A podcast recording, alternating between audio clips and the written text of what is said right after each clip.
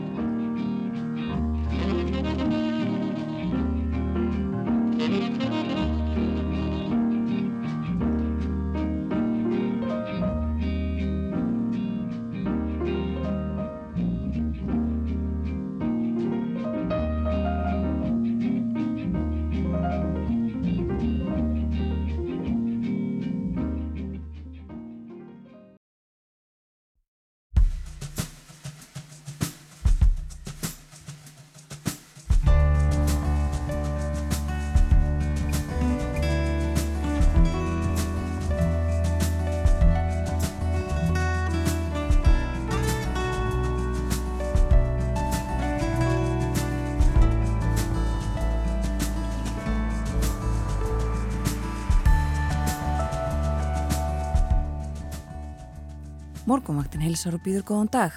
Í dag er mánudagurinn 5. september. Fyrsta viðtal þáttarins í dag snýst um efnaðasmál á jarðkringlunni. Það er vesen, verðbólga og vakstahækkanir. Það er margskonar skortur, þrátt fyrir allsnæktirnar. Og hagfræðingarnir reyna að finna lausnir. Hópur slíkra kom saman í Kansas í bandaríkunum í síðustu viku og rætti hvað bæri að gera til að auðvelda fólki lífið. Áskiprinna Torvarsson segir frá upp úr hálf åtta. Kosið verður til sænska þjóðþingsins á sunnudag. Kannanir að undanförnu benda til að megin blokkirnar í sænskum stjórnmálum standi nýfjafnar. Gunnhildur Lili Magnúsdóttir, dósend í stjórnmálafræði í Malmö, fer yfir stöðuna með okkur eftir morgunfréttinnar klukkan átta.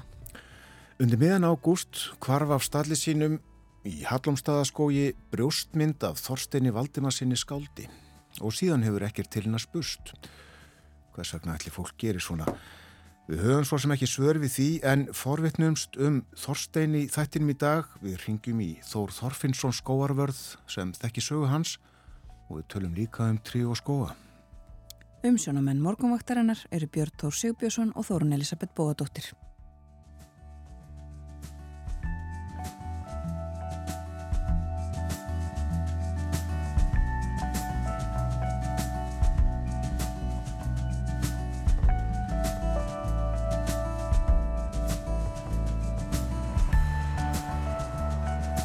Útlitt fyrir gott veður á landinu í dag. Fyrir klukkustund var uh, hittastíð uh, 8 til 10 gráður um það byrð það sem hlýjast var. En uh, annar staðar var kaldara, uh, þryggja fjárastega hitti sumstaðar. En uh, það er ímist uh, heiðskýst eða léttskíjað og hægur vindur. Já, þannig verður það í dag og næstu daga. Það er Milt og rólegt veður í kortunum. Hæg breytileg átt, létt skíjað en sumstaðar þókubakkar við ströndina bæði í dag og á morgun og hitin getur farið upp í 20 steg yfir daginn. Þá helst í uppsveitum á Suðurlandi. Og legstur verður hitin í kringum 11 steg. Þannig að fínasta veður framundan e, í dag og morgun og eitthvað e, lengra enn í vikuna gæti tekið að regna sumstaðar á landinu á miðugudag en uh, það er afskaplega fínt veður framöndan og uh, Einar Sveinbjörnsson veðurfræðingur nefnir það í uh, nýri færslu að það sé óvenjulegt að sjá jafn, þurra spá á þessum ástíma og nú. Hann heldur út í vefnum blika.is og skoðar svona veðurspár utan úr heimi líka á kort uh, og segir að það sé gert ráð fyrir því að alveg þurft verði á landinu næstu 7-8 dagana, svona lengri tíma spá. Eitt spákort sínir úrkomu frávik en uh, annað uppsapnaða úrkomu og þar er engin úrkoma í kortunum. Háþrýsti svæði næri landinu verðist alltaf halda velli og með þessum afleðingum og segir svo að það ringdi nokkuð síðustu tvo dagan í ágúst og fram á 1. september. Síðan hefur verið að mestu þurft á landinu, þó ekki alveg allstaðar. En í Reykjavík eru að jafnaði 20 úrkomundagar í september og meðal úrkoma 86 mm. Og samkvæmt tölfræðinni regnir ekki meir í nokkru mánuði í höfuborginni en september. En ólíklegt sanns að við munum heyraði veðurfréttinu næstu daga úrkoma í grönd. Já, miða við þessar uh, langtíma spára minnstakosti og líka það sem að viðstofan hefur sínt okkur svona allra næstu daga. Já. Ef að huga þess að tíðaferðinu eins og það var í nýliðnum ágústmániði. Já. Komin skýsla viðstofunar á vefin. Ágústmánuður var að tiltölu kaldur um allt land. Þó voru hlýjindu um norðaustanvertlandið undir lokmánaðar og hæsti hiti sumarsins smældist á Mánarbakka 30. ágúst. Munum það 25 gráður og það er fremur sjálfgeft að hæsti hitti ársins mælist svo síðla árs. Og uh, hittin í ágústmániði var uh, undir meðalagi, svona um það byrj einni gráðu uh, í Reykjavík á Akureyri, Stikisólmi og Höfni Hóttnafyrði. Ágúst kaldur um allt land. Og úrkoma mánadarins í Reykjavík var um 85% af meðal úrkomu síðustu ára og uh, mæltist úrkoma 1 mm eða meiri 8 daga mánadarins.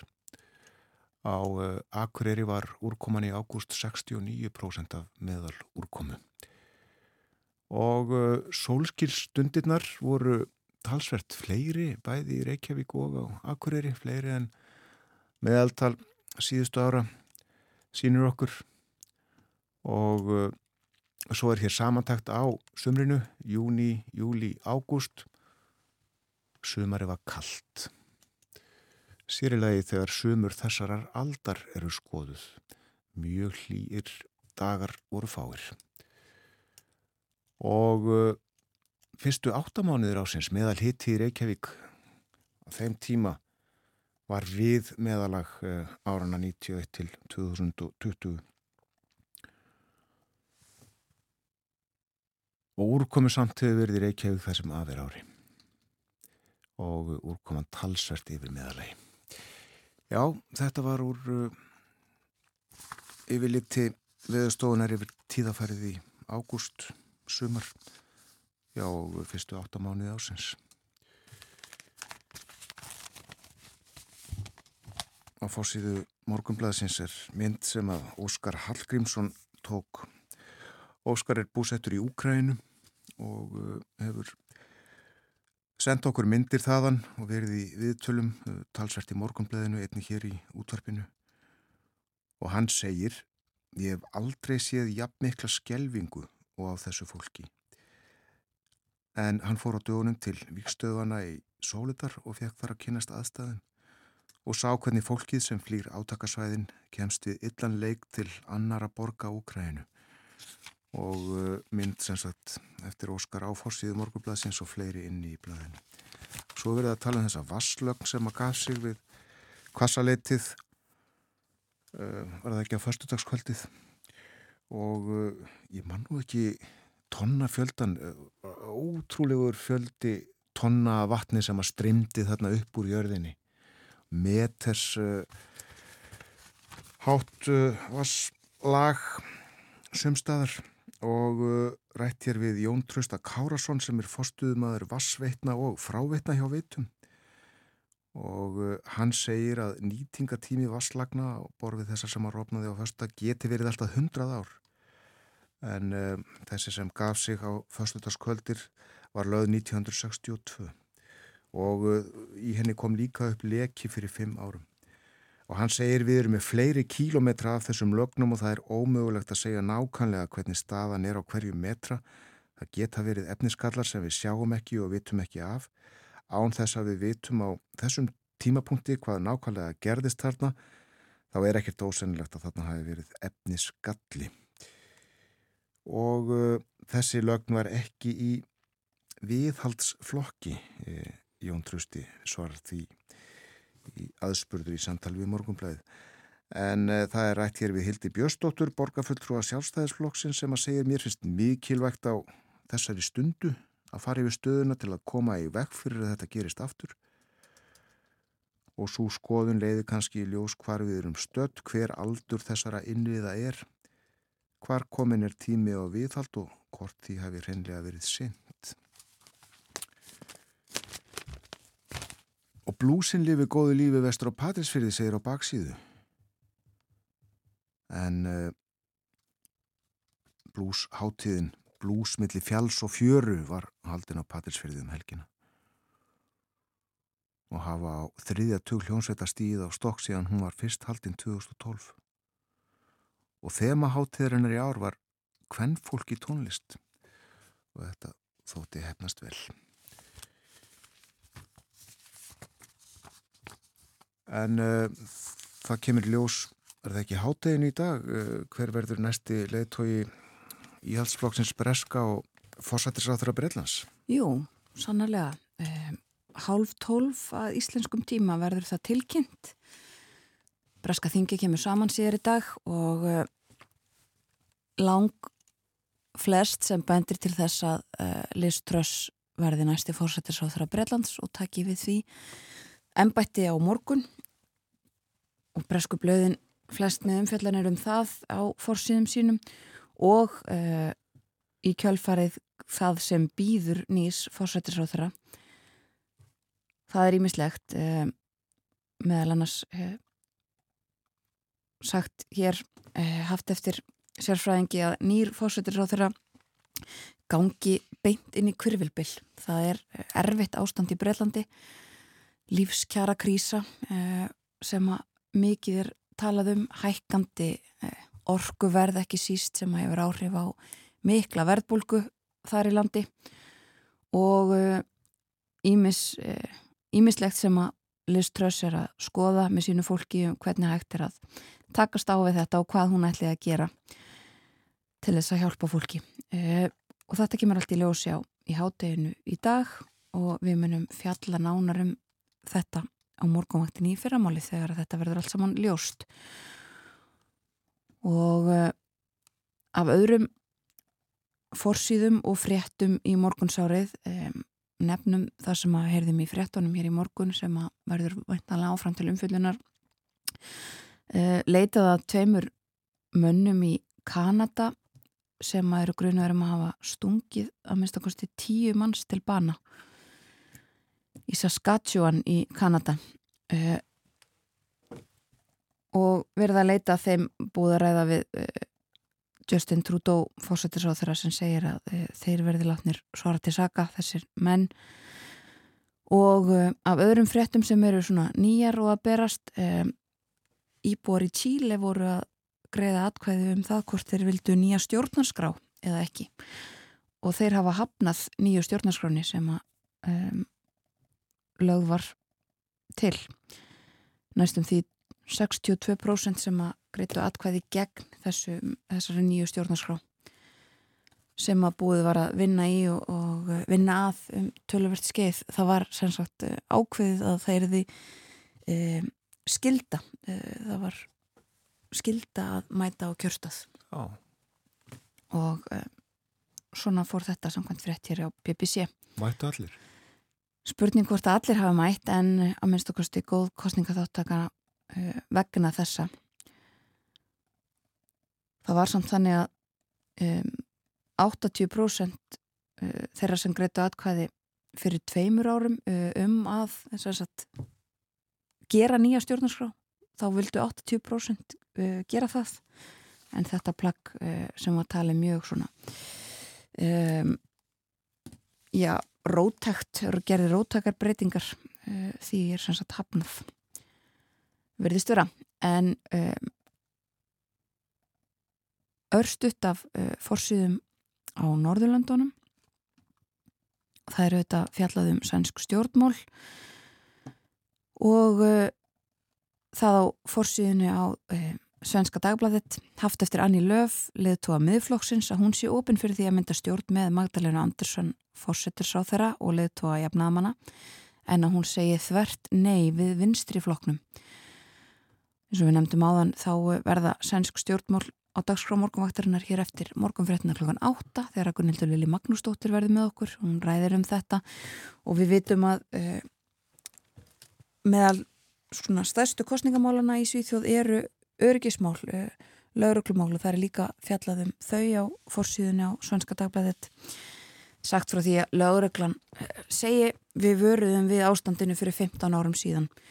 Og það er verið að vísa í þennan metfjölda skotarossa og andlata af þeirra völdum. Og uh, fjallaðum þessi mál e, í sænsku blöðunum. Líka talaðum uh, útlendingamál og öryggismál í Danmörku eins og við herðum í heimsklukanum síðustu viku nú síðast þá er eru ýmsir í Svíþjóð sem að líta til Danmörkur en í Danmörku er nú fjallaðum að það sé ekki gott þar ef að stjórnmálinn í Danmörku eigi að fara að snúast enn á nýjum útlendingamál. En við fylgjumstu þetta áfram með erlendum fréttum, ímislegt á seiði og sem fyrir segir að þá ætlum við að tala um sænsku stjórnmálinn hér á eftir við Gunnhildi Lili Magnúsdóttur og áður en að því kemur þá tengist þessu nú ástand mála í heiminum almennt sem að Ásker Brynjar Torvarsson ætlar að tala um ástand efnahagsmála. Rétt á sögunni við sjáum í dagbókað þennan dag 5. september árið 1942 þá slösuðust fjóri drengir á Seyðisfyrði eftir sprengju árás þjóðverja og það var fjallaðan þetta í þjóðviljanum daginn eftir og á þessum tíma þá reittstýrðu þjóðviljanum Sigfús Sigur Hjartarsson og Einar Olgersson útgifandi var saminningarflokkur alþýðu sósilistaflokkurinn og fyrir sögnin á fórstíðrætt þjóðviljans Þísk loftárás á Seyðisfjörð hinn er nazistísku morðingjar sem áður hafa drepið íslenska sjómenn limlesta fjögur íslensk börn. Þá voru engin loftvarnamerki gefin á Seyðisfjörði og loftvarnarflautur munu þar engar til Og svo byrjaði fréttin á tilkynningu frá amerísku herstjórninni en í henni saði Þísk eh, sprengjuflugvel flögi við Seyðisfjörð að morni hins 5. september. Einni sprengju var varpað og fjögur börn særðust, engin beigð bana. Það er nánari fréttir sem þjóðilin hefur fengið af þessari svívirðilugu árás Þísku nazistana á Seyðisfjörð eru þessar. Þísk flugvel flög mjög hátt yfir Seyðisfjörði og hafði flóið í einn eða tvo ringi áður en hún kastaði tveim sprengjum niður úr mjög mikilli hæð. Fjögur börn sem voru að leika sér þar hjá slösuðust og eitt þeirra mjög alvarlega mistið hann er alveg fótinn, annað mittist á læri en hinn tvö mittust nokkuð á höfði. Sjóhús sem var rétt hjá fór alveg um koll og gluggarúður brotnuðu í húsum í kring. Þetta er fyrsta sprengjuvarp nazista böðlana sem verður íslenskum þegnum að tjóni hér á landi. Sprengjum þessum var varpað úr það mikilli hæð afsakið, að engin von var til að hæfa hernaðar tæki eða væru þarna einhver. Sprengjuvarpið var því að handahófi aðeins til þess að eiðilegja og myrða að nazista síð. Enda myndu barnamorðingjarnir þísku síst harmaða þó drápsfélar þeirra erðu íslenskum börnum að fjörtjóni eins og þeir áður hafa tortímst eh, spönskum, frönskum, norskum, enskum og rúsneskum börnum og uppvaksandi kynnslóð annara þjóða. Já, svona var skrifað þetta í eh, þjóðviljan 1942.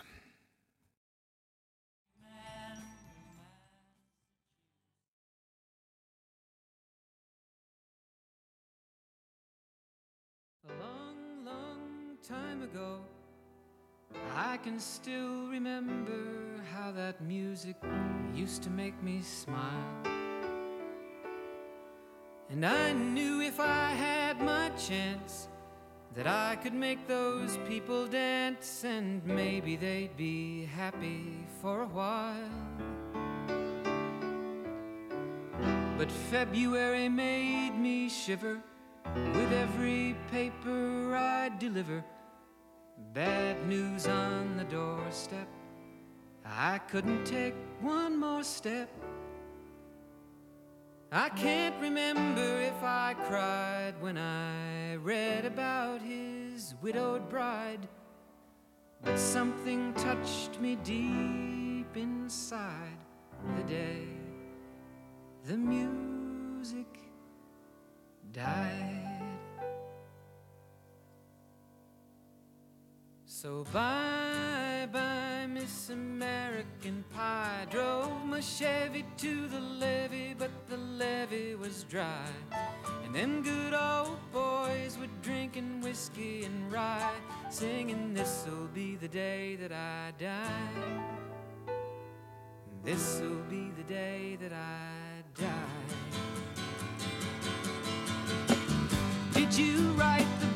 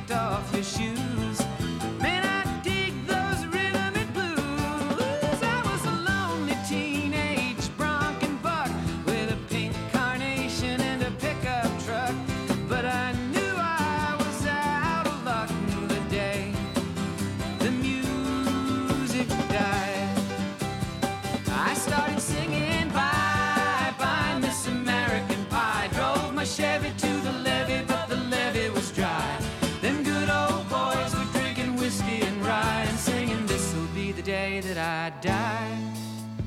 This'll be the day that I die.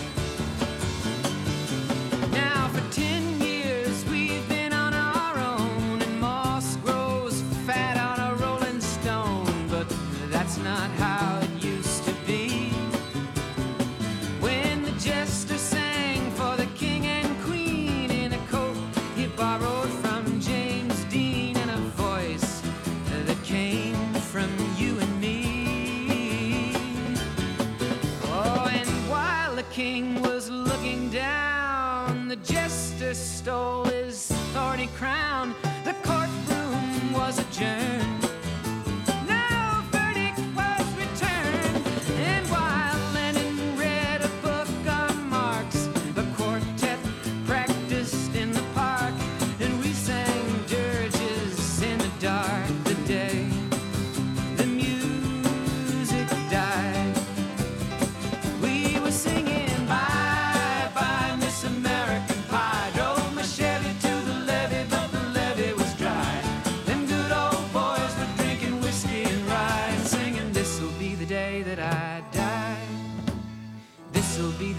That I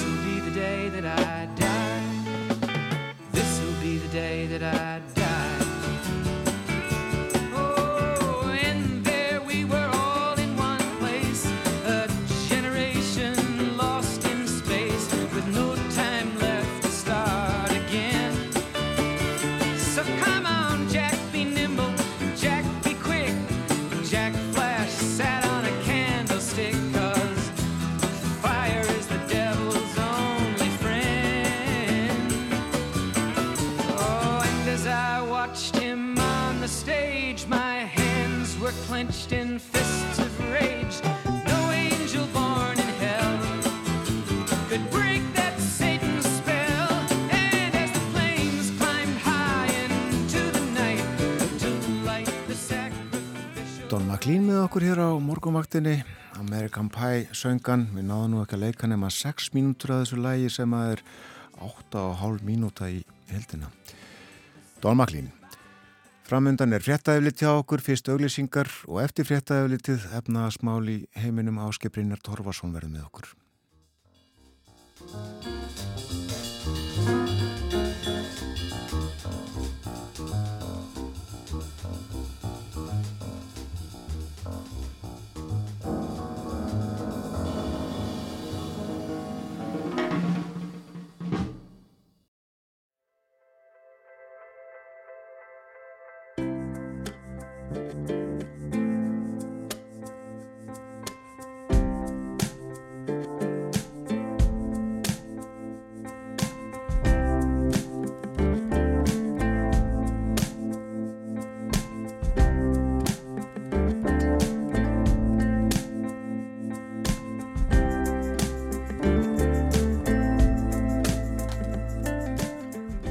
Aftur því að hlusta á morgunvaktina á Rás 1.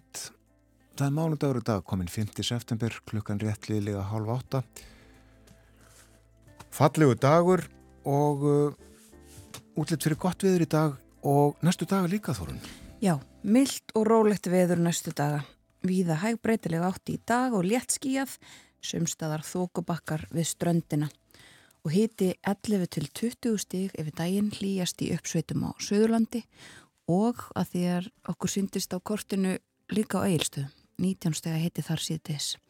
Og það verður svipað veður á morgun, hægur vindur og víða bjart en þokan verður líklega heldur ágengari við norður og austur ströndina þá en í dag. Og fínasta veður áfram næstu daga.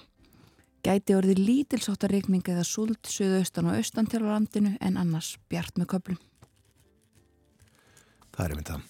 Ég minna á fjöllum um kostningabaratuna í Svíþjóð eftir morgun 13. klukkan 8. Þar verður kosið á sunnudagi næsta og uh, nýjustu kannanir sína að uh, blokkirna tvær eru nýfjafnar og þannig hefur staðan verið í margar vikur með okkur verður á eftir Gunnhildur Lili Magnúsdóttir sem er stjórnmálfræðingur og uh, kennir við háskólan í Malmu og milli hálf nýju og nýju þá ætlum við að fjalla um Þorstin Valdimarsson skáld og brjóstmyndina af honum sem að stóð í Hallóstaðaskói í nokkra áratvíi, allt þar til um uh, miðjan ágústmánuð en þá tóku starfsmenn eftir því einn morgunin að stittan var horfin af stalli sínum. Og við ætlum að ræða við Þór Þorfinnsson skóarvörð um uh, brjóstmyndina, um Þorstin skáld og svo litið líka gerir ég ráð fyrir um trí og skóa. En uh, já, ljómandi veður á Íslandi í dag og næstu daga, það er, uh, getur við sagt, huggun harmi gegn uh, þótt verðbólgan og vextinnir lækki nú ekki við þetta. Við erum komin í samband við Ásker Brynjar Torvarsson, sérfræðingi fjármálum sem stundum við með okkur hér á morgunvaktinni og fer yfir ástandmála í heiminum og horfur viðbröð. En uh, nýverið komu fjölmarkir hagfræðingar saman á Jackson Hole ráðstefnunni árlegu í Kansas í Bandaríkjunum. Og uh, Ásker Brynjar ætlar að segja okkur frá því sem að þeir uh, rættu um þar og sögðu heil og sætlu góðan dag. Góðan daginn. Það eru býstna erfiði tímar í heiminum. Já, það er ekkit skemmtilegt að vera sá sem er alltaf að koma í morgunvættin og segja að það sé efnaðslega dögt framundan en, en, en þær halda eiginlega bara áfram að koma þessar fréttir og, og, og tölur og, og staðrendir sem sína fram á já, meiri samdrátt og erfileika. Jável þó að eins og við höfum einhvern tíma minnst á áður, það koma líka jákvæða tölur til dæmis um atvinnuleysi sem er, er minkandi á mörgum mörguðum þannig að þær eru svolítið svona ganga gegn hvort annari en það var kannski svona óvenjulega opinskátt í, í þessari árlegu ráðstefnu þeirra þannig í Kansas þar sem að selabankamenn viða úr heiminum hittast að það var farið að tala mun opinskára um það að það ekki bara þyrti að hækka vextina mun meira þar að segja jável í 0,5 og 0,75 stigum eða þrepum heldur líka já, verið farið að viðurkenna opinskátt að þetta um, sé gert til þess að hægja á hagkerfunu og þar með uh, jável búa til verð, þannig aðstæður að, að atvinnuleysi aukist og jafnvel þannig að það myndist uh, efnaðsleg stöðnun, Þa, það, það sé hættan í jafnvægislistinni hjá þeim. Þannig að það, þetta var svona óvenju opinskátt sagt. Já, sögðu þið margt gáðilegt? Já, e, það kannski e, er, er það sem að manni fannst einna merkilegast að, að Lagarde var ekki aðna en það var fjöldi fólks úr Evrópsku selaböngunum og um, Powell var úr bandaríska selaböngunum var mjög opinn með að það getur orðið aftur 0,75 þar er hann hefur alltaf verið talinn með dúvonum, svo kvöldu þeirra sem vilja fara varlega og rólega í að, í að hækka. Þannig að hann var eiginlega komin yfir í hauka meira aggressífa liðið en Lagarde var ekki þarna þannig að þögn hennar er eiginlega það sem að allir horfa á núna en hún er nú þekkt fyrir að, að vera svo sem að hlustar á alla áður en hún ákveður sig.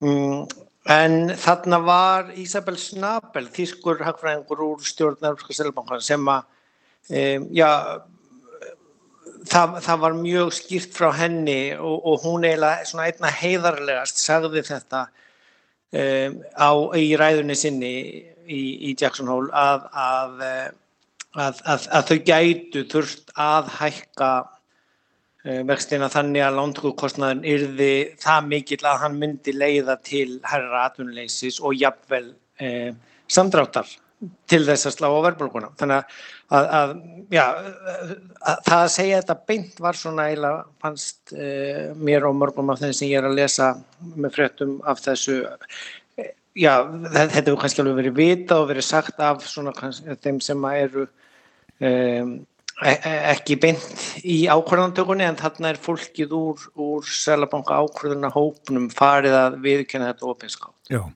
Já, eh, það er barist við verðbólguna. Eh, hún stafar eh, sumstafar engum af snarhækkandi orkuverði en herri stýrivextir hjálpa nú þar ekki? Það? Nei og, og þetta hefur nú lagart verið fræg fyrir að viðkenna og, og það, þetta er vandi á frambóðsliðinni, þar að segja frambóðið á gasinu og öðrum vörum sem leðallækunar hefur verið vandin meðan að aðgerðina sem selabanka fólki gerir er að reyna að slá niður eftirspurnarliðina, þar að segja að draga úr eftirspurninni með, með þeirra með tækjum og tólum. Þannig að um, sko núna náttúrulega gerðist það síðan á förstu daginn, svona eftir að við undirbyggum þennan þátt að að Rúsland skrúaði alveg fyrir gasið þannig að, að, að, að það var orðið enn skýrara að þegar markaður myndi opna núna í dag að þá gæti já, samdráttar hættan á evrópska efnarsvæðinu verið orðin mun meiri um, og sem viðbrað við því stígu ríkistjórnir nokkura landa fram um helgina bæði í Svíþjóð og í Þískalandi Eh, það, það hafði gerst reyndar áður undarfarnar vikur mjög mikið af svona aðgerum þannig að það þurfti stuðning hins og umbra til orku fyrirtækjana, annars er orku framleyslu fyrirtækjana hins vegar e, sem að handla með orkuna. Áskeið, e, nú er sambandið orðið svolítið styrt. Ok. E, Áski Brynjar er í Danmörku um, talar við okkur í gegnum stafranar lusnir og við sjáum ég sitt hérna í já ég svo það nú fyrir sambandið mitt þetta... ekki er það gott. Ekki er það skipti þrýrgið hvort að það sé betra. Reynda reynda að laga þetta. Við býðustu elverðingar á þessum tröflunum þetta áður ekki að vera svona. Uh, en uh, getur gerst og við reynum að laga þetta. Ásker lagar hjá sér stillingarnar breytir einhverju og við vonumst til þess að komast í betra samband.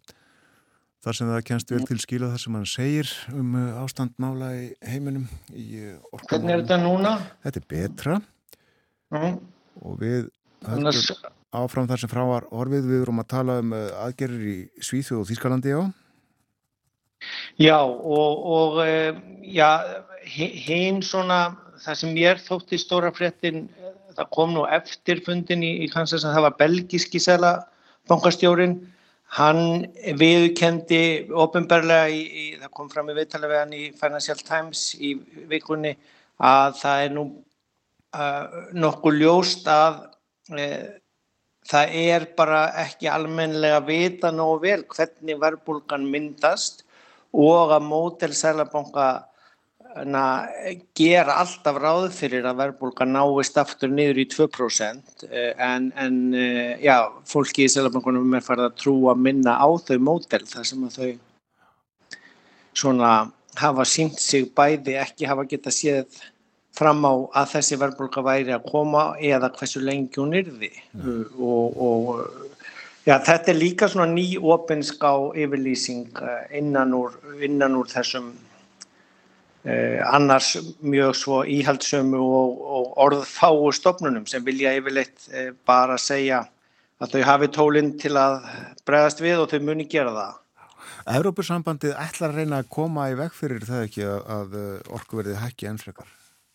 Jú, sko, og það er nú önnur svona áhugaverð hagfræðileg hugmynd almennt viðkent að, að það að setja verð þak á einhverjar vörur eða þjónustu eða eins og þarna gasið núna virkar almennt séð ekki mjög vel eh, en eh, það er ekki búið að tilkynna nákvæmlega hver, hver er aðgerðin að verða en að þær muni verða tilkynnta setni í vikunni. Tjekkland er að halda utanum fórsetið í, í ráðinu núna og, og það verður fundur orkur á þarna þann e, setni í vikunni. En, en það sem hefur lekið út og komið fram í Financial Times og, og Bloomberg og þessum uh, meðlum sem ég les er að það á að, að svona, um, reyna að grípa til markháttar aðgerða til þess að annars vegar einangraða að gashækkunin leið ekki beint út í ramagsverðshækkunina því það er náttúrulega eh, stóri vandin sem þau þurft að bregðast við í Svíþjóð varðandi og, og á öllum Norðurlanda orkuframlýslu fyrirtækjunum. Finska orkuframlýslu fyrirtæki fekk mikinn stuðning líka frá sinni ríkistjórn síðustu viku. Eh, þannig að, að, að það, það er svona ein leiðin hittir sem að G7 ríkin tilkynntu í, í lok síðustu viku að ólja frá Rúslandi að, að hún ætti að reyna að halda verðinu niður á henni og það er þá gert með því að bregðast við með eh, svona lögfræðilegum tækni aðgerðum á flutningin og flutningskostnæðin og tryggingarnar þar að segja að það er sett inn um, að, það, að það verði ekki að flytja og verði ekki að tryggja farmin nema að verðið á oljunni sé undir einhverju ákveðnu hámarki, það er ekki búið að gefa hvað það hámark verður þannig að þetta er svona heilmikil tilrunastar sem í gangi til að reyna í raun og veru að, að hætta að láta stríðsherran fá svona mikið af hagnaðinum af hækkuninu bæða á olju og gasi og hætta að láta hann geta búa, búið til efnags e, þrengingar í Evrópu bara með því að, að e, slökka á flæðinu á gasi eða olju. Og það er gripið til alls konar uh, já, sérstakra aðgerða núna getum nefnt þessar afskriftir námslána í bandaríkunum. Já, það, það er annað dæmi svona það sem að, já, það sem var talið hagfræðilega ómögulegt fyrir örstutu síðan. Það var reyndargerð til hún á Íslandi með, með húsnæðislán en, en, en Bernie Sanders, það var hleyja á honum með að gert grína að þetta var ekki alveg hagfræði þegar hann stakk upp á því í sinni kostningabortu að að það væri nú hægt að fella niður eitthvað námslánunum sem eru mjög há í bandarækjunum þar sem að, að skólagildur eru há. Og það var bara tilkynnti síðustu viku frá hvitahúsinu uh, að þar myndi verða fell niður 10 til 20.000 dólarar uh, fyrir fólk undir ákveðnum, ákveðnum um, áslaunum, þar að segja svona 10-12 miljónum íslenskum síndist mér. Uh, og, og þetta er, já, enn eitt dæmið um hvernig eitthvað sem var kannski pólitíst ómögulegt fyrir stuttu síðan er, er, er orðið mögulegt í, í þessu ástandi þar sem að, já, lífskarakrísan eða afkomukrísan eða, eða það hvernig e, þetta er farið að býta harkalegi butun á fólki er óásætanlegt og ekki hægt að segja bara að hagsveiflan þurfa að fara í gegn og það verði að hækka vextina og fólk verði að taka þetta á sig að því að Uh, sveiflunar í þessu eru það miklar að það uh, mun setja fyrirtæki í þrótt og það mun uh, ekki vera mögulegt fyrir fólk að, að já, láta endan á saman um ánamótin ef þetta heldur áfram með svona miklum hækkunum lengi. Nei. Já, vextir eru víða að hækka en voru ekki megin vextir, stýrivextir lækkaðir í Kína um daginn? Jú, þar er önnur svona sér uh, húsnæðiskrísa í gangi, þannig að reyndar hafði Rúsland lekka líka uh, sína vexti en, en Kína er búið að tvísvar núna að taka skref með, með stýrivextina niður á við uh, og það er til að bregðast við húsnæðisbólu sem er að, að hætta á að springi þar með svona afleiðingum yfir á, á markaðin en, en, en þeim tekst nú nokkuð vel að afmarka þetta og stýra þessu þar eh, og það er eh, líka meira um það nú orðið að, Sælabankunum séu farnir að hafa mismunandi vaxtasti á mismunandi fjármögnar þáttum þar að segja að þarna er eh, verið að reyna að beina vaxtalækkuninni inn á húsnæðismarkaðin og fyrirtækin sem eru að byggja húsnæði en, en, en reyna að hafa kannski herra vaxtastig á annars konar lánum. Og aftur hérna erum við að sjá tilvunastar en, en þetta var byrjað áður en við lendum í þessum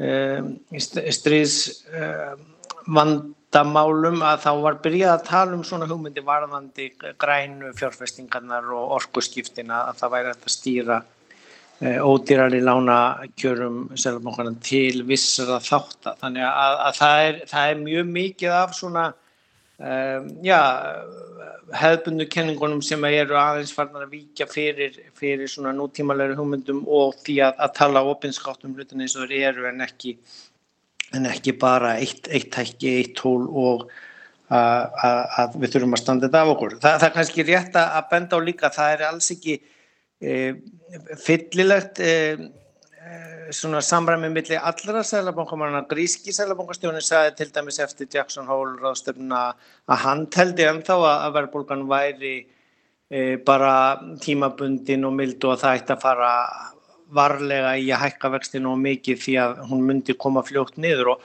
þá er hann þar að vísa í að heimismarkaðsverð á ólju og hrávarum er búið að vera að fara niður mjög mikið í allt sumar. Þannig að það eru búin að vera að koma merkjum eins og við rættum síðast líka að, verðhækkanar eru hættar þó, þó að, á mjög mörgum þáttum. Þannig að, að þetta er svona, já það, það þarf að horfa á mjög marga þætti og sjá að sumt er að fara upp og sumt er að fara niður en, en, en líka að það er kannski þurfi að beita svona mismunandi tólum á mismunandi þætti og það er eiginlega stóra fréttin úr helginni að því að eins og, eins og Mark sagt er Sælabankan er læk ekki gasverði með að hækka vextina og, og að, að stjórnvöld þurfa að koma þar inn í líka og það er það sem að þessir aðgerðapakkar stjórnvöldana og Evrópusambandsin sem verður tilkynnt setni í, í vikunni snúast um að, að það sé að grýpa inn í e, þann, þannig að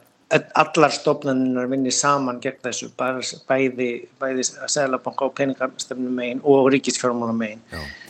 Við vitum auðvitað að það er stríð og áður var heimsfaraldur en, en má segja að hagfræðingarnir séu núna að einhverju leiti að uh, reyna að, að finna lausnir á vandamálun sem þeir sköpuðu sjálfur áður?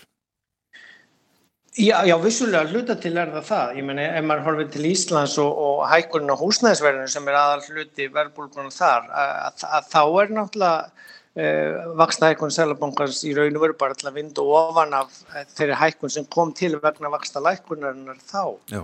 Uh, en, en það sem að maður les líka hjá svona gamalgrónum hagfræðingum eins og Martin Wolf í Financial Times í morgun er það að óvenjulegi tímar kalla á óvenjulegar aðstæður. Núna er stríðsaðstæður Og, og, og þess vegna e, þarf ó, óvenjulegar aðgerðir hins ofinbæra til að bregðast við og það sem hann bætti við í mjög merkileg grein var það að það verður að sjá til þess að byrðunum sé deilt þannig að það lendi ekki á þeim sem minnst meiga við því að bera megnið af kostnæðinum af þessu. Það er hann að vísa til þess að þau heimili sem að eigða í raun og vera öllum sínum tekjum bara í húsnæði og mat og, og uppbyttin húsnæðisins að þau uh, hafa bara ekkert umleikist til þess að takast á við þessar hækkanir og þess vegna þurfi stjórnvöldin þá að koma inn í og já, deila högginu niður að því að það lendir harðast á þeim eh, sem að neistlan fer mest í þessar vörur sem að hækka mest. Meðan að aðrir sem að eru herra upp í, í, í stegunum með herri laun að það, það er minni hluti af tekjunum sem fer í að borga matinn og, og, og húsitununa og, og húsnæðiskostnæðin. Þannig að, að þarna er já, það sem að enginn hefur kannski endilega viljað tala um og pólitíkusar vilja ekkert sérstaklega mikið tala um að, að það að hækka skatta er náttúrulega eh, ein mikilvæg leið til þess að bregðast við e, verðbólkunni og draga úr þenslunni líka. Já. Þetta er auðvitað blákaldur viðruleiki margra hér á Íslandi sem að ég rétt náðu kannski endum saman áður en lánin tók á að hekka og verlaði líka. Já, já og, og þess vegna sko sjáum við líka það, þegar að, að sko, fyrirtæki sem að lenda í því að orku verðið að ráfnu verðið hækkar svona gífurlega mikið að þau geta ekkert látið að það allt beint út í verðlægið heldur mörg þeirra bara e, þurfa að loka frekar. Og, og, og það geta heimilin náttúrulega ekki gert. En, en það er þess vegna sem að e, þessi stóru pakkar sem er verið að kynna núna e, eru, eru tilkomnir og þeim fylgir það að því við erum nú nýkomin út úr faraldri og ríkisjóðunir eru nú ekkert ofvel stæðir til að fara að dæla út miklum penning að þess vegna fylgir þeim aðgerðum, já eins og Ólaf Sjóld saði skýrt frá í gær, að það mun verða skattlagt eh, af, af fyrirtækjunum og hagnaðinum til þess að eh, eh, koma á móti þessum útgjöldum. Það er að segja að eðlilega eru einhverjir sem græða mjög mikið á þessum um, uh, orkuverðshækkunum og öðrum hækkunum í verðbólkunum. Þannig að, að það er þetta sem að uh, Martin Wolf var líka benda á. Það þarf að deila byrðunum með, með tó, tólum og tækjum uh, skattlagningarinnar samhliða því að tólum og tækjum selabónkunni beitt. Því að þau annars já, bytna svolítið ójæmt niður á landsmennunum. Við segjum þetta gott í dag, Áskei Brynjar. Eh, við ætlum líka að tala um umhverfismálinn sem að uh, er náttúrulega reysastór málflokkur og uh, stjórnvöld víða hafa í, hyggju að uh, veita meiri peningum í til þess að draga úr útblæstri. Komist ekki í það, tölum um það setna takkaði fyrir í dag. Takk svo mjög Brynjar Torvarsson, sérfræðingur í fjármálum með okkur Annars slæðið hér á morgunvaktinni, svona tækja þryggja vekna fresti hefur verið upp á síkasti til þess að fara yfir uh, stöðu efnaðasmála í heiminum og uh, já, tilkynntum aðgerður í Svíþjóðum helgina líka í Þýskalandi og uh, vona á einhverjum yfirlýsingum ákvörðunum frá Evropasambandinu í vikunni. En bæten, á fónum er það að frétta að hann afskrifaði námslánaskuldir og fjárhæðin, já hún er herri en ég get nefn mörg núl þarna. Framöndan eru fréttir, kom eftir rétt rúmar 5 minútur. Eftir fréttirnar ætlum við að tala um sænsk stjórnmál. Það verður kosi í Svíþjóð á sundaginn, 11. september. Og uh, ekki gott að segja til um hvernig þetta fer allt saman. Gorki nýðustuðu kostninganan ég hvað gerist eftir þér.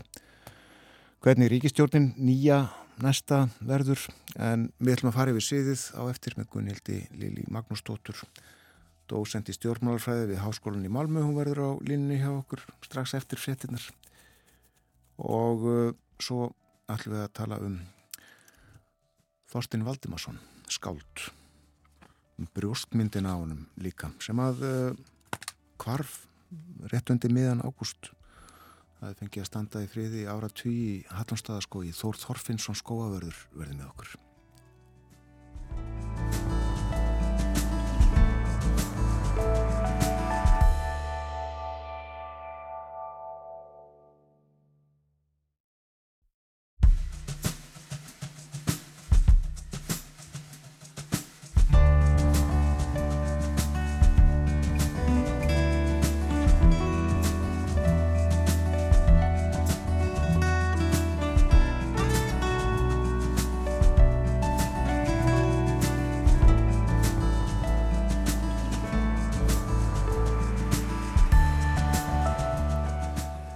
Sæl aftur þegar það hlusta á morgumvaktina á rás 1.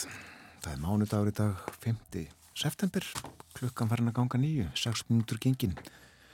Við töluðum um efnagasmáli heiminum hér áðan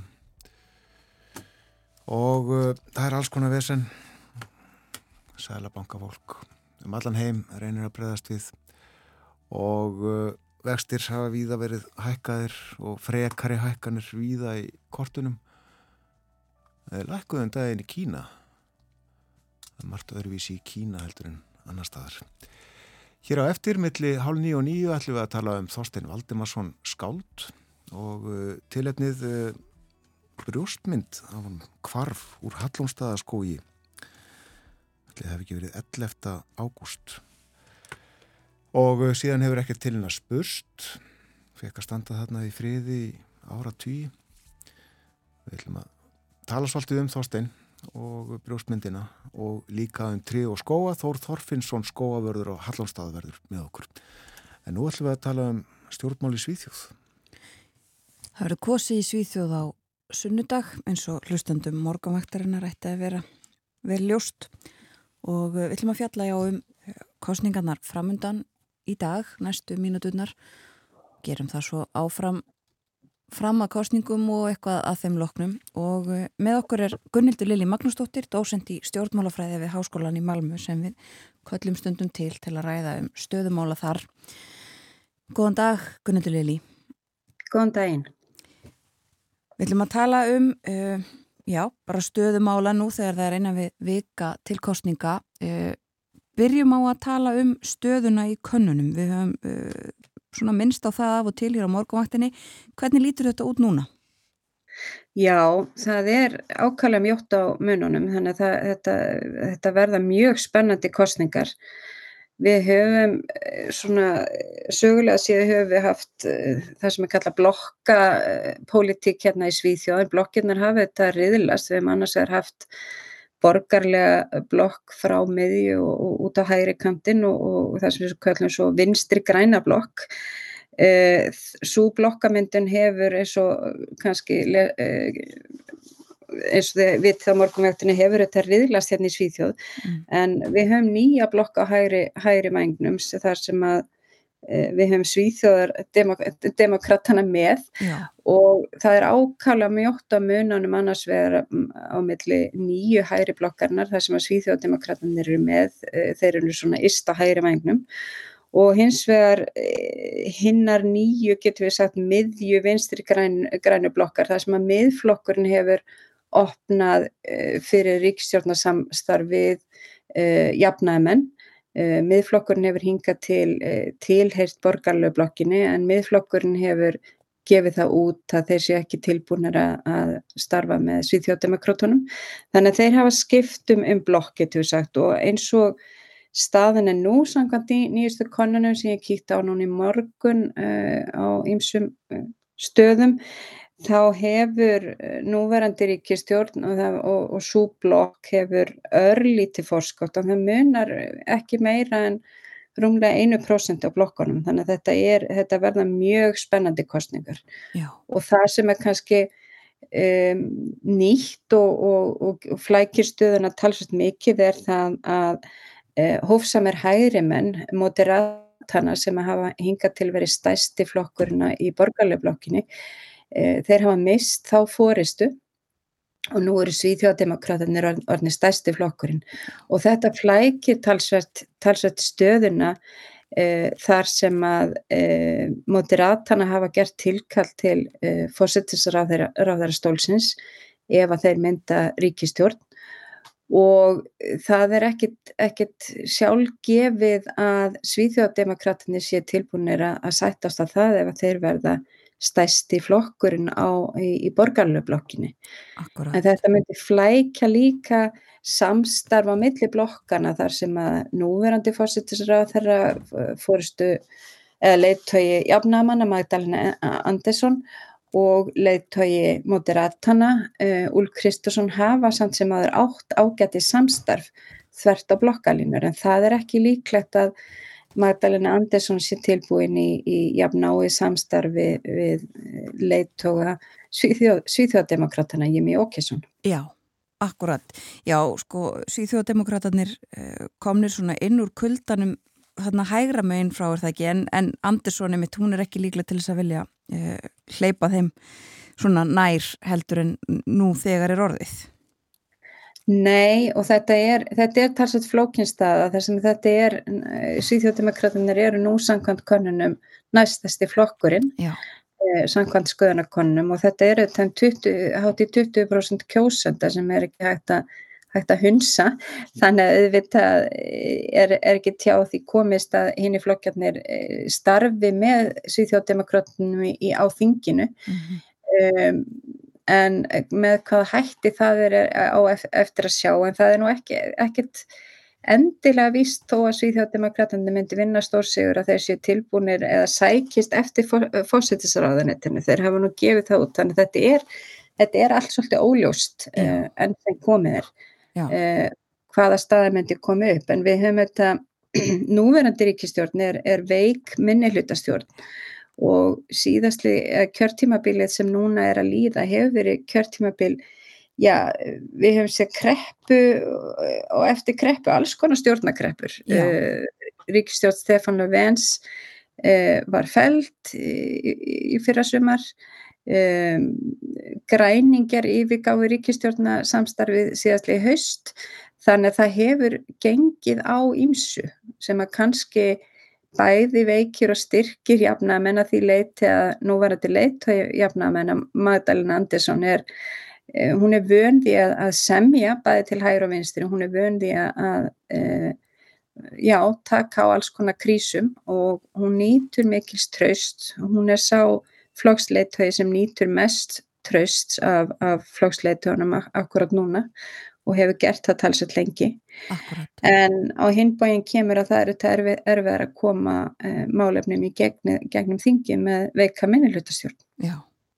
Já, þetta er flókin staða sem að uh, þú málar upp fyrir okkur og eins og þú segir, sko, það er kannski stærsta sem að reyðlar þessu öllu er þetta aukna fylgi svíþjóðademokrata. Hvaðan kemur það? Er það alltaf koma frá uh, moderatorna eða og, og hvað skýrir svona stöðuna hjá þessum flokkum núna? Það kemur að, að talsurleiti verist að koma akkurat núna kemur það frá uh, moderatónum. Uh, moderat, uh, moderatorna hafa mist fylgi að undarferðnu og, og líklega hefur það farið yfir til Svíþjóðdemokratana um, svo hafa Svíþjóðdemokratanir undarfærin ár hafa þeir verið líka að sækja sitt fylgi til jafnamanna, þeir hafa verið að reyna að uh, kynna sig og setja flokkin fram sem henn ný, nýja verkamannaflokk og þeir hafa náð árangri þar. Uh, við, við vitum það á konunum sem hafa verið gerðar innan verkalýsreifingarnar að talsvert að fylgi uh, Svíþjóðdemokratana kemur frá, frá innan verkalýsreifingarnar. Þannig að, en akkurat núna verist að, verist að veri, vera frá moderatana og það kannski er, það eru svolítið ímsa skýringar á því, einhver, einhver leitt er, er það það að aðrir flokkar hafa færst nær svíþjóðdemokrátunum en, en fólk kannski sér e, þeir sem að aðhyllast til dæmis Um, já, strángari innflytjanda og flottamannastefni, þeir eru kannski ekki endilega líklæri til þess að e, kjósa moderatana þegar moderatana eru svona nálat svíþjóðdemokrátunum. Svo má líka segja það sem að kannski hefur breyst með svíþjóðdemokrátunum er það að þeir eru, þeir eru orðnir, já þeir eru ekki lengur flokkur sem einblinni bara á eitt málefni, þeir eru svona í, í mörgum öðrum málaflokkum eru þeir hefðbundin uh, íhaldsamur hægri flokkur og það er auðvitað kannski eitthvað, eitthvað sem að hluti af kjósundum og deratana uh, eh, sæk, sækir í. Mm -hmm. Já, já og svo uh, sko er það fórustu fólkið. Þú ert búin að nefna það að meitt Magdalena Andersson, hún nýtur tröst, meira tröst sem aðrir leðtúar. Uh, eh, Úlf Kristersson hjá móti ratarna var svona og er kannski hann svona formlegur leðtoga frambjóð, eða svona frambjóðandi Já. hægri blokkarinnar sem leiðtogi ríkistjórnar um, en og svo er náttúrulega eh, leiðtogin hefur líka sett að segja það ekki hjá Svíþjóðdemokratum í Mjókesson Jú, hann hefur það, hann, hann verist að hafa mjög mikið persónufylgi. En það sem er kannski aðteklisvert er að uh, ég, ég skoðaði núna í morgun þá skoðaði ég mitt þetta hvaða flóksleiðtogar njóta mest trösts og það sem er aðteglisvert það er að hann, Jimmy Åkesson nýtur ekki nema já, hans tröst er kannski 7-8% yeah. og meðan flokkurinn fær um 20% þannig að þetta er öfugt um Adalina Andersson sem að nýtur trösts langt út fyrir raðir eh, sinna flokksfélaga. En, en það verist nú vera svona kannski að svíþjóðdemokratinu þar sem þeir hafa aldrei setið í ríkistjórn að Eh, þeir sem kjósa Svíðhjóðdemokrátan eru kannski ekki endilega samfærður um að, að Jimmy Åkesson sé endilega rétti maður undir að setjast í fósættisræðara stól. Nei, þetta er að einhverju leiti svona óanægi fylgi líka? Já, það er það, en þetta hefur samt sem áður, það hefur eh, sennilega eitthvað minkað en, en Eh, ég gæti nú samt trúa því að það, eh, það hefur orðið örlítis fylgisaukning núna í ágúst og það er nú líklega tengt, gengja tengt, tengt ofbeldi skotarásum sem við sáum hérna í loka ágúst meðal annars í Malmu. Akkurat, og þá erum við komið. Það hefur vennilega fylgis, fylgisaukningu. Já, akkurat. Og þá erum við kannski komin í að, komnar í að ræða um helstu kostningamálinn og þetta er ábyrrandi, er það ekki í kostningabortunni, þessi mál? Jú, jú, það, við getum sagt að lög og regla og þá sérstaklega gengjartækt ábeldi er, uh, já, það er hátt, það er hátt, það er kannski svona svolit eftir hvar í, fólk, hvar í flokki fólk stendur en það er annars verið heilbyrðismál og gengjartengta ofbeldi eða, eða lög og regla sem að toppar flesta lista þegar já. kemur að, að forgámsröðun kjósenda já. og svo er það, já, það er svona helst það, það sem kannski hefur verið að færast ofar á listan eru orkumál uh, sem er eðlilegt í, í ljósi ástandsins í Evrópu en, en og líka bara efnhagsmáli yfir höfuð það er þetta uh, verðbólka hér líka Já. en það sem að mér finnst kannski áhugavert eða, eða sérstakt er að þrátt fyrir nálaðin að til, við, það sem er nú tiltöla nálægt Úkrænu og Svíþjóð hefur nýlu að sátt um, um, um aðild af að NATO þá er, eru þessi mál ekki mikið í, í, í umræðu hér í, kostningabarátunni það, það er svona þetta er svona í bakgrunnum getur við sagt Já, einmitt. Það var nú svolítið talað um uh, það svona þegar að NATO nei þegar að Svíþjóð og Finnland sóttu um aðeldina NATO að það væri ekki alveg mikil eining í Svíþjóð og í Finnlandi um aðeldarumsóknina en þetta sérstaklega fær ekki mikla aðtigli Nei, það var ekki alveg mikil eining en, en stóru flokkarnir eru, eru nokkuð sammála og það verist vera að, að Svíþjóðdemokraterna til dæmis skiptum skoðun og stiðjan uh, eh, aðeldarimsókninu núna. Mm. Vinstri flokkurinn sem er uh, kannski sá flokkur sem er, er helst á móti netun og væntala stöðun og svoleiðis núna að það, það sé ekki ekki eh, teim til, til hagspota eða, eða ekki fylgir að, að gaggrina aðeldarheimsóknina núna. Já. Þannig að það er svona nokkuð breið samstæða. Við getum sagt að, að sjö af átta eh, flokkum á þingi eh, styðja umsóknina meira eða minna allavega einhverju leiti. Akkurat. Sko, um, Það er einnig við vika til kostninga og eins og þú ert búin að segja okkur frá þá er þetta mjóta munum á millið þessara blokka og uh, það hafa orðið svona breytingar þar á. Ég las í morgun upp úr forsiðuna á Svenska dagbladet þar sem að var haft eftir Anni Löf sem er formaður miðurflokksins að, að hún, já eins og þú varst að tala um, uh, hún útilokkar ekki stjórn með Magdalenu Andersson en segir eins og er þvert nei við uh, vinstriflokknum. Sko hvernig er verið að Já. teikna upp mögulegar nýjar stjórnir hvernig gæti það litið út með að við stöðun eins og hún er Já, það er já, e, að einhver leiti en þetta er samt sem að það er verið ekkert nýtt vegna þess að miðflokkurinn stutti e, núverandi ríkistjórn e, sem var Stef, ríkistjórn Stefan Löfvens sem að, e, var mynduð í, í janúar 2019 eftir mjög, mjög langar stjórnamyndunar umræður viðræður. Mm.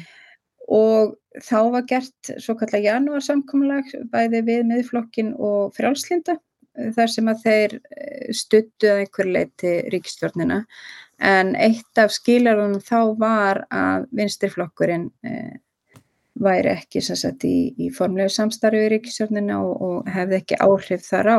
Ja og þetta, og þetta er veru bara framhald af þeirri kröfu. Já. en þetta gerir þetta stöðuna fyrir jafnæmen mjög flokna því að þeir verða eins og þeir hafa gert allt þetta kjörtjónbíl að semja bæði til hægur og vinstri, þeir verða að semja við miðflokkin og þeir verða að semja líka við vinstirflokkin og þrátt fyrir að vera, hafa gefið út það lofar að þessu kjörtjónbíli að, að vinstirflokkurinn verði, að honum verði ekki bóðið formulega til ríkistjórnarsamstarf og að hann hafi ekki formulega áhrif mm. og þetta var eitt af því sem að feldi Stefan Löfven e, fyrir árið síðan að vinstirflokkurinn e, var búin að fá nóga því að í raun og veru að styðja ríkistjórnina en, en hafa lít, mjög lítil áhrif.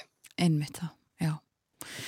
Aðeins í lókin Gunnildur Lili bara almennt um stöðu mála í Svíþjóð, þú nefndir uh, glæpagengin og, og uh, þau mál eru mikið til umfyllunar en hvað segir okkur svona af öðrum málum almennt? Já, jú, það, það er auðvitað, það, glæpagengin hafa, það er það sem að er efst á bærin og veru með hilbyrjismálunum, eins og ég sagði þegar mm. kemur að kostningamálunum. Eh, önnur mál eru, já það er auðvitað verðbólka þó að, ríkið standi nú nokkuð vel, eh, þá finnur auðvitað fólk fyrir verðbólku hér og annar staðar. En svo er það or orkumálinn, þau hafa verið mikið til umfjölluna hér og það er svona eitthvað sem er að koma upp aftur, hvort að svíjar eigi að opna þau kjarnorkuver sem var búið að loka og hvernig e, svíþjóð eigi að, ganga, já, e, verða sjálfbærari þegar kemur að, orkumálum Akkurat. og líka það sem, og hvernig það er til dæmis, já, hvernig við getum jafnað stöðu borgarbúa og fólk sem býr á landsbyðinni þegar kemur að, að til dæmis já, bensínverði, það er auðvitað svolítið eh, viðkvæmt mál eh, en ríkistjórnin hefur eh, núverandi ríkistjórn hefur svo sett verið með ívillanir þannig að það hjálpi í raun og veru ekki bara landsbyðinni heldur öllum sem keira bíla. Og þetta er þetta kannski, þetta er ekki það sem að er auðvitað langtíma markmið ríkistjórnarinnar en, en, en þetta eru svona tímabundnar ívillanir núna þegar bensinverð er mjög hátt. Og, og þetta er mjög ofalega á, á, á listanum og mikið í, í fréttum, það er annars vegar orkumálin og hins vegar bensinverðið en svo er þetta geng, gengja, gengjamálin líka. Já, þetta eru stóru málin og það er nú ekki tekið að kólna í Svíþjóð en þá er það, en það fer að líða á því. Já, ekki hérna í söður Svíþjóð en, en það er nú eitthvað að fara að kólna í, í, í norð, norðri. Já, Þannig að það fer að líða því og þá fer þetta fólk kannski ennþá meira að hugsa um orkumálin. einmitt það. Segjum þetta gott í dag, kærar þakki fyrir að vera með okkur, Gunnhildur Lili og þú ætlar að vera með okkur svo aftur uh, að loknum kostningum og þá getum við kannski svona aðeins spáð enn frekar í það hvernig uh, ríkistjórn er líklegt að verði myndið í Svíþjóð. Takk fyrir í dag. Takk sem er leiðis. Já, þetta var semsk stjórnmól, kostningar á sunnudaginn. Ljómandi veður í Lundi þaðan sem Gunnhildur Lili talaði til okkar. Svona um það byrju 20 stíga hitti held ég. Það eru 18 gráði núna í, í Kaupmannahöfn, 13 stíg í Stokkólmi og uh, fyrir hlínandi. Fleiri borgir Ósló 17 stíg núna þar, 11 gráður í Helsingi og uh, það eru 19 stíg í Lundunum, 18 stíga hitti í Berlin 22 gráður í París og 26 stiga hitt í Róm fyrir 32. Og það verður ljómandi veður á Íslandi, eh, ekki 32 stiga hitti en eh, fasta 20 gráðum er það ekki á Östurlandi. Jú, uh, fasta 20 gráðum á eigilstöðum setnipartin í dag skíjað og hlýtt og líka mjög hlýtt í árnesi. Mér sýnist það að vera svona þetta eru hæstu hitatölunar sem við sjáum á kortinu. Þar verður sól að minnst okkur stið fram yfir háti Gott, gott. En við sláum á þröð, þráðin austur á hér að hér eftir smá stund. Við ætlum að tala um Þorstein Valdimarsson, skáld og uh, viðmælendi okkar verður Þór Þorfinnsson, hann er skóavörður á Hallónstað.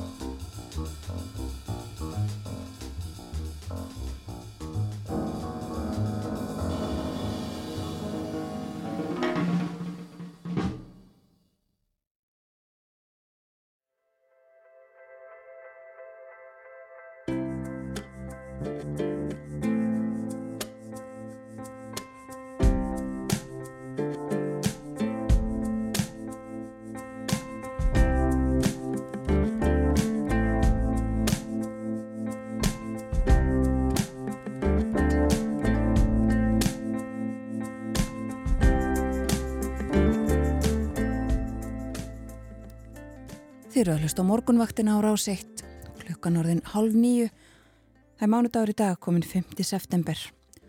Og hér fyrir frettafiliti rættum við um sænsk stjórnmál við Gunnhildi Lili Magnúsdóttur. Hún er dósend í stjórnmálafræði við Háskólan í Malmö. Sað okkur frá stöðum ála þar e, þegar að innan við vika er til kostninga og hún ætlar að vera með okkur aftur að vikuleginni þá verða kostningar afstæðanar og við vitum væntanlega aðeins meira um það hvernig útlitið verður uh, í stjórnmálunum. Það er afskabla mjóta munum millir þessara blokka tvekja í Svíþjóð. Talandum stjórnmál, það kemur í ljós í hádegin í dag. Hver verður næsti fósættisráð þeirra Breitlands? Verður það Liz Truss eða Sunak?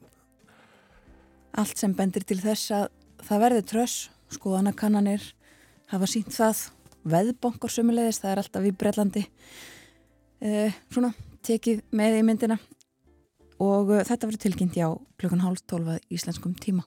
Og getur við þess þá að uh, við fjöllum um nýjan fósættisráþurra Breitlands á morgumvaktinni í fyrramálið með okkur verður Sigrun Davíðsdóttir. En núna að öðru, 12. ágúst byrtist frétt á vef skóraktarinnar á vefnum skóur.is. Hún hófst svona Skóarverðinum á Hallonstað basti í vikunni tilkynning um að brjóstmynda Þorstenni Valdimarsinni skáldi væri horfin úr skóginum. Hvarfið hefur verið tilkynnt lauruglu sem þjófnaður og skemdarverk. Brjóstmyndin var ekki komin í leitirnar á förstu daginn en ætli hún hafi komið fram um helgina í símanum hjá okkur er Þór Þor, Þorfinnsson skóarverður á Hallonstað. Góðan dag. Já, góðan dag. Kom hún fram?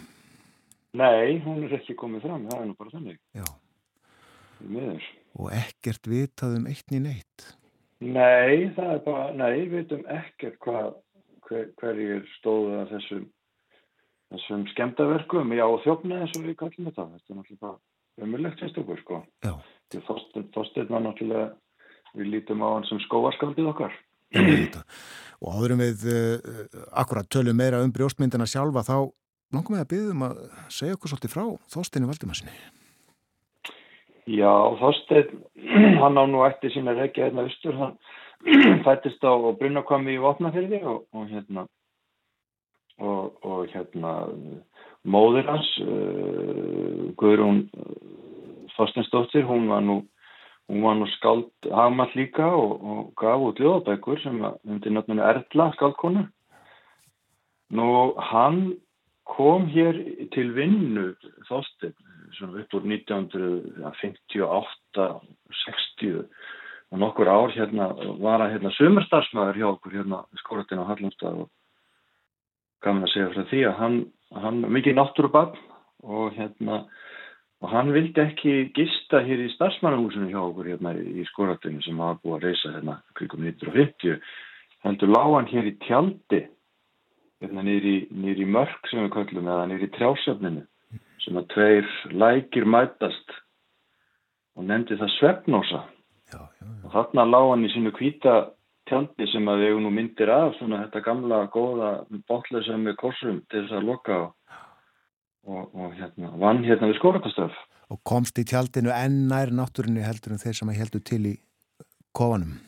Já, mér skilst það og, og, og, og það var, hann fekk margar heimsóknir á kvöldin sko af öðrum starfsmönnum, menn sáttu þarna og, spiluðu gítar og hefðu gaman hérna í, í, í skóginum sko, það er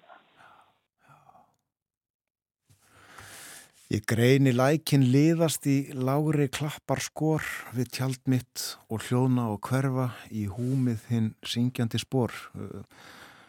Þessi orð sett inn á vefin ykkar í fréttina um hvarfið og brjóstmyndinni.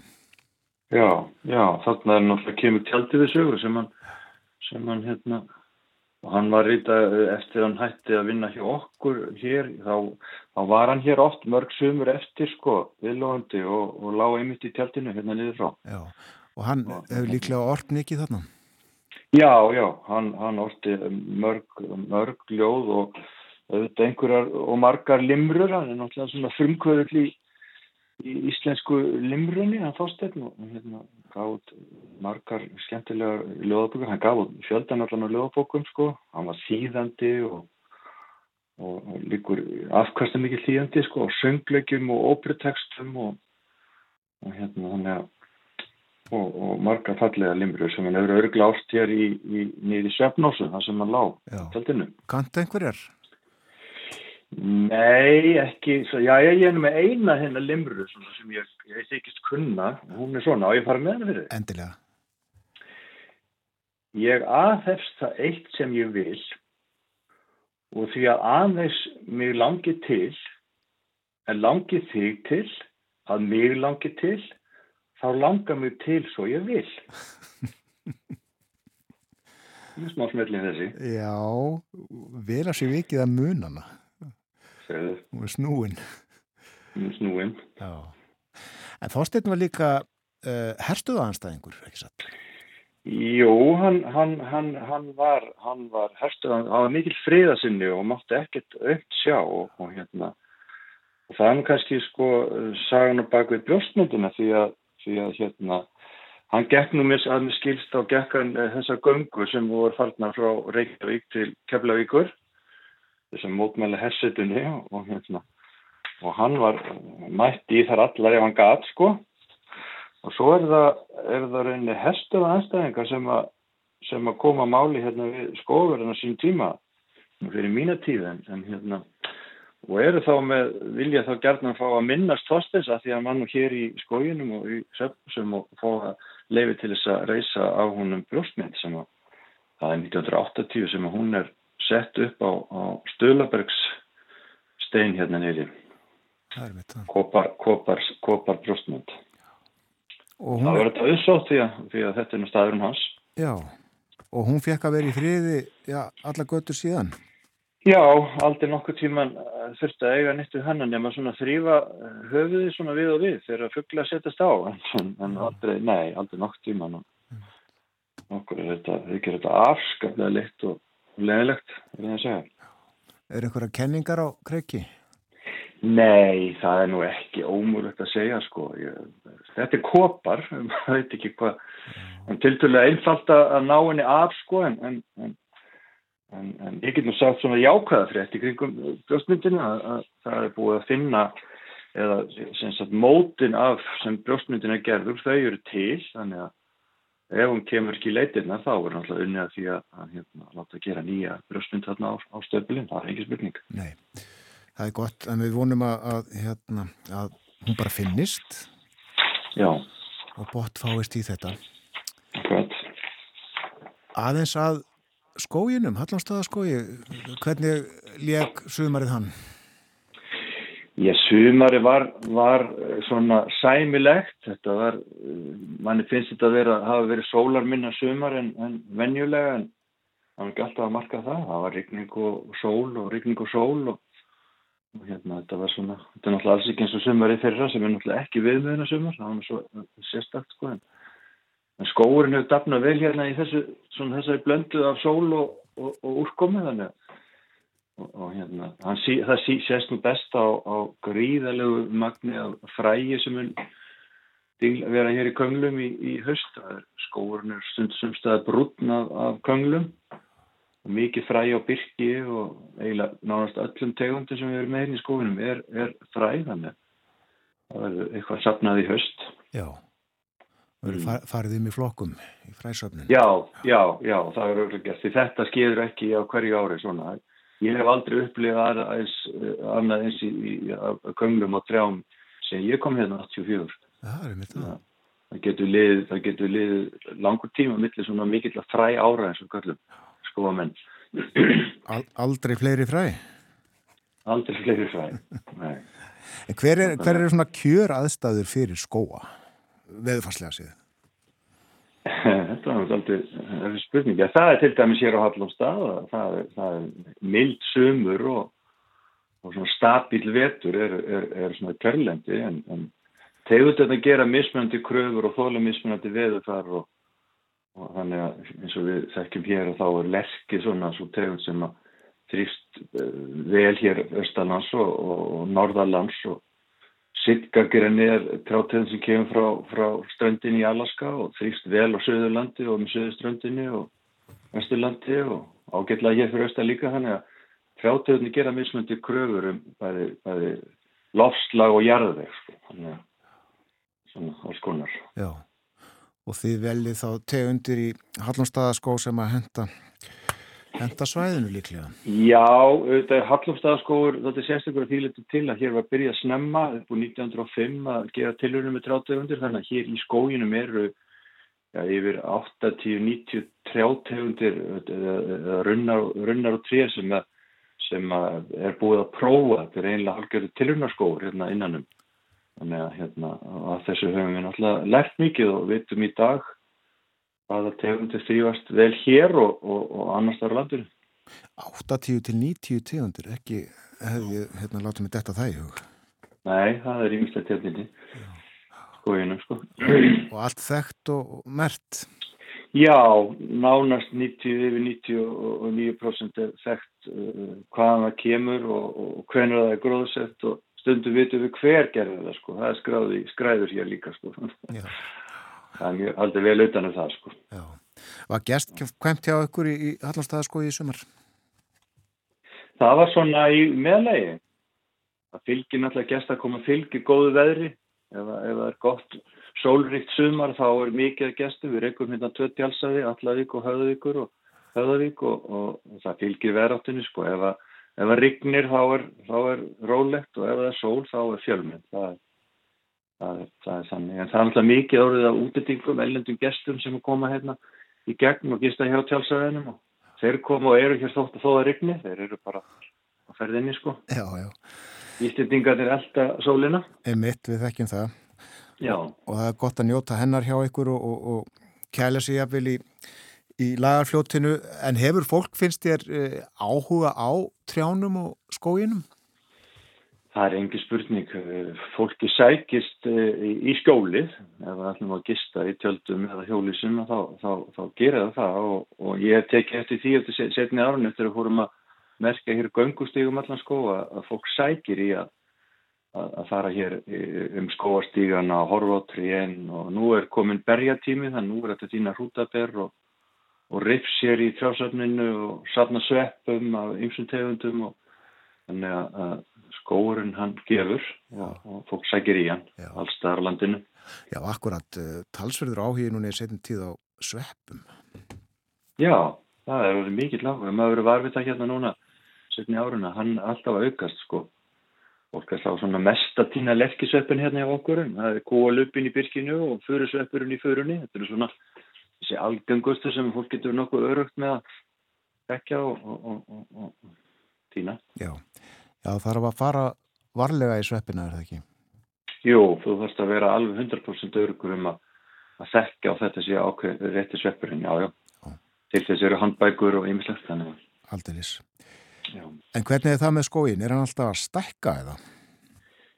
já, já, hann er að stækka í, í, í allar áttir og, og, og hérna, hér á Hallamstað hefur hann auðvitað aukið stærð sína með árunum. Hann, hann Birki sáu sér hérna í, í, í, lönd sem ekki voru lengur skói vaksnar af Birki og, og þannig að hann er að stækka og, og skóarnar í Ísland er að stækka, bæði náttúrulegi Birkiskóar og, og gróðsetningar, þeim, það, það, er, það er stækka og þannig að skóar á Íslandi eru almennt að stækka. Við erum svona að, að ná 2% af landstæri Íslands í, í skóa, þannig að það er Birkið langs þjóttegundin, íslenska Birkið. Já. Hvað finnist þér vera æskilegt hlutvall af, af skói vöxnu, vöxnu landi? Það er ekki gott að segja.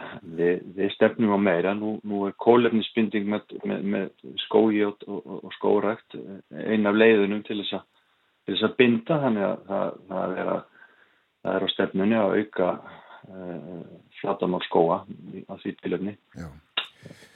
Þó ráttu þeir uppáhalds trjátegund? Eh, já, þetta er erfitt sko. Maður umgengst um allar þessar trátegundir búin að gera það alla æfi sko. En Lindiföran hefur alltaf verið alltaf hérna uppáhaldi hjá mér. Hún er svo, hún er svo, hún er svo mjúk og fallega með langar og fallega nálar og fallega köngla og, og hérna, já, ég myndi kannski segja Lindiföran. En áttu þeir líka kannski uppáhalds tré? Já, ég ljóstar því nú ekki upp. Nei. Það er tré sem ég faðma bara einni sjálfum mér sko þegar ég þarf að því halda sko. Um, Hver eru verkefni dagsins hjá þér? Já, þau eru ímislega, við erum að, við erum svona, við erum náttúrulega rekum ennþá tjálsvæðin hérna, þau eru opinn og, og, og hérna, hérna eru komni til okkur núna bara í dag sjálfbóðaliðar frá sítsamtökunum sem hafa komið hér á hverju fyrstu til þess að hjálpa okkur við að, að halda við gungustíðurum hér á skógin og, og það er nú verkefni dagsins sem næstu daga og svo erum við að, að, að við erum að grísja og við erum eitthvað að fara að gróðsetja núna pínlítið núna höst hérna hjá okkur Þannig að það er alls konar, alls konar verkefni. Þakkaði kellaði fyrir spjallið. Njóttu dagsins. Takk sem leiðis. Þetta var Þór Þorfinnsson, skóavörður á Hallónstað. Við spjalluðum um skógin, Hallónstaða skóg og uh, Þorstein Valdimarsson skáld tilefnið uh, kvarfa á honum brjóstmyndin sem að staðið hafði á stallið sínum í skóginu frá 1980. Og já, uh, Þór ástjör sitt uppáhalds trí, en uh, hvaða trí það er? Já, það veit hann einn þegar á faðmarða þegar hann þarf á því að halda. En Þorstein Valdimarsson, orti, um, sendi frá sér held í átta ljóðabækur þar um bil. Skulum hlusta á Karlakór Eyjafjörð að syngja ljóð eftir Þorstein, kvöldlag, Otgir Kristjánsson samtilegið.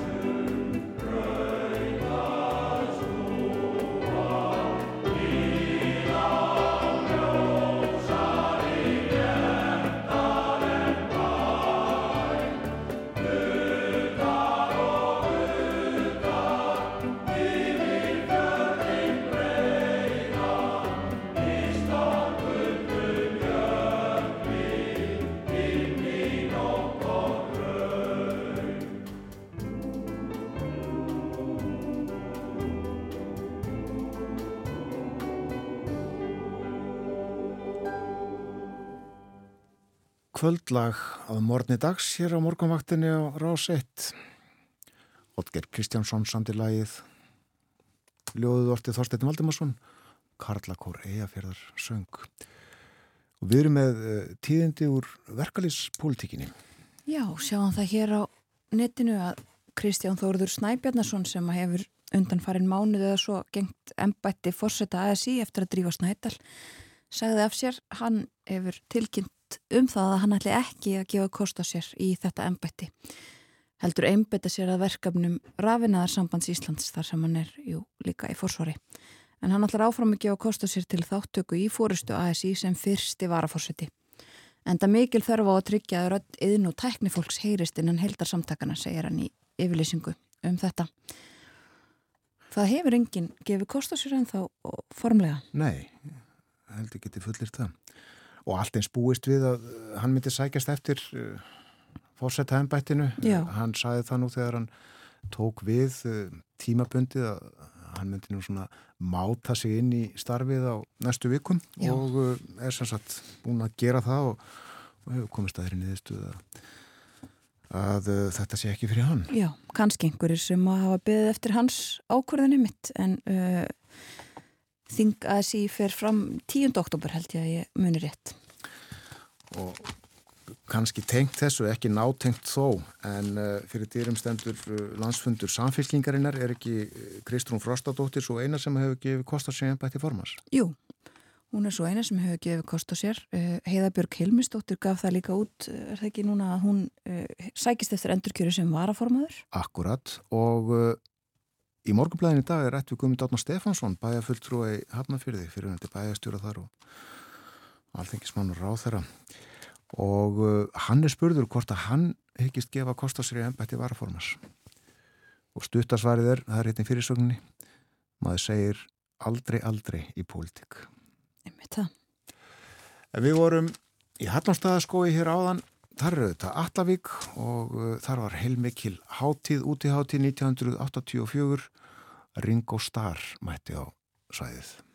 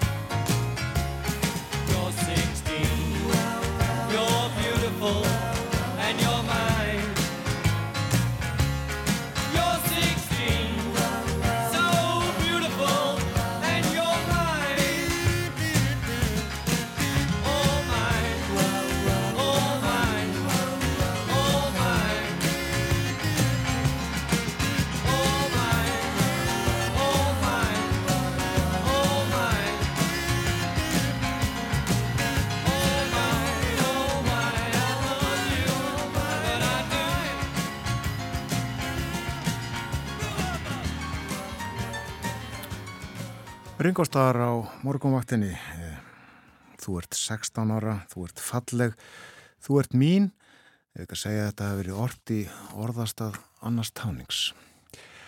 En þetta er mér lokið, klukkan er alveg að verða nýju, fáum fréttir frá fréttastofu klukkan nýju, fyrstu auglýsingar, allt með hefðbundnum hætti. Við höfum talað um stjórnmál í Svíþjóð í dag, við höfum talað um efnaðasmál í heiminum og svo um Þorstein Valdimarsson skáld og svo litið um Hallormstaða skóg.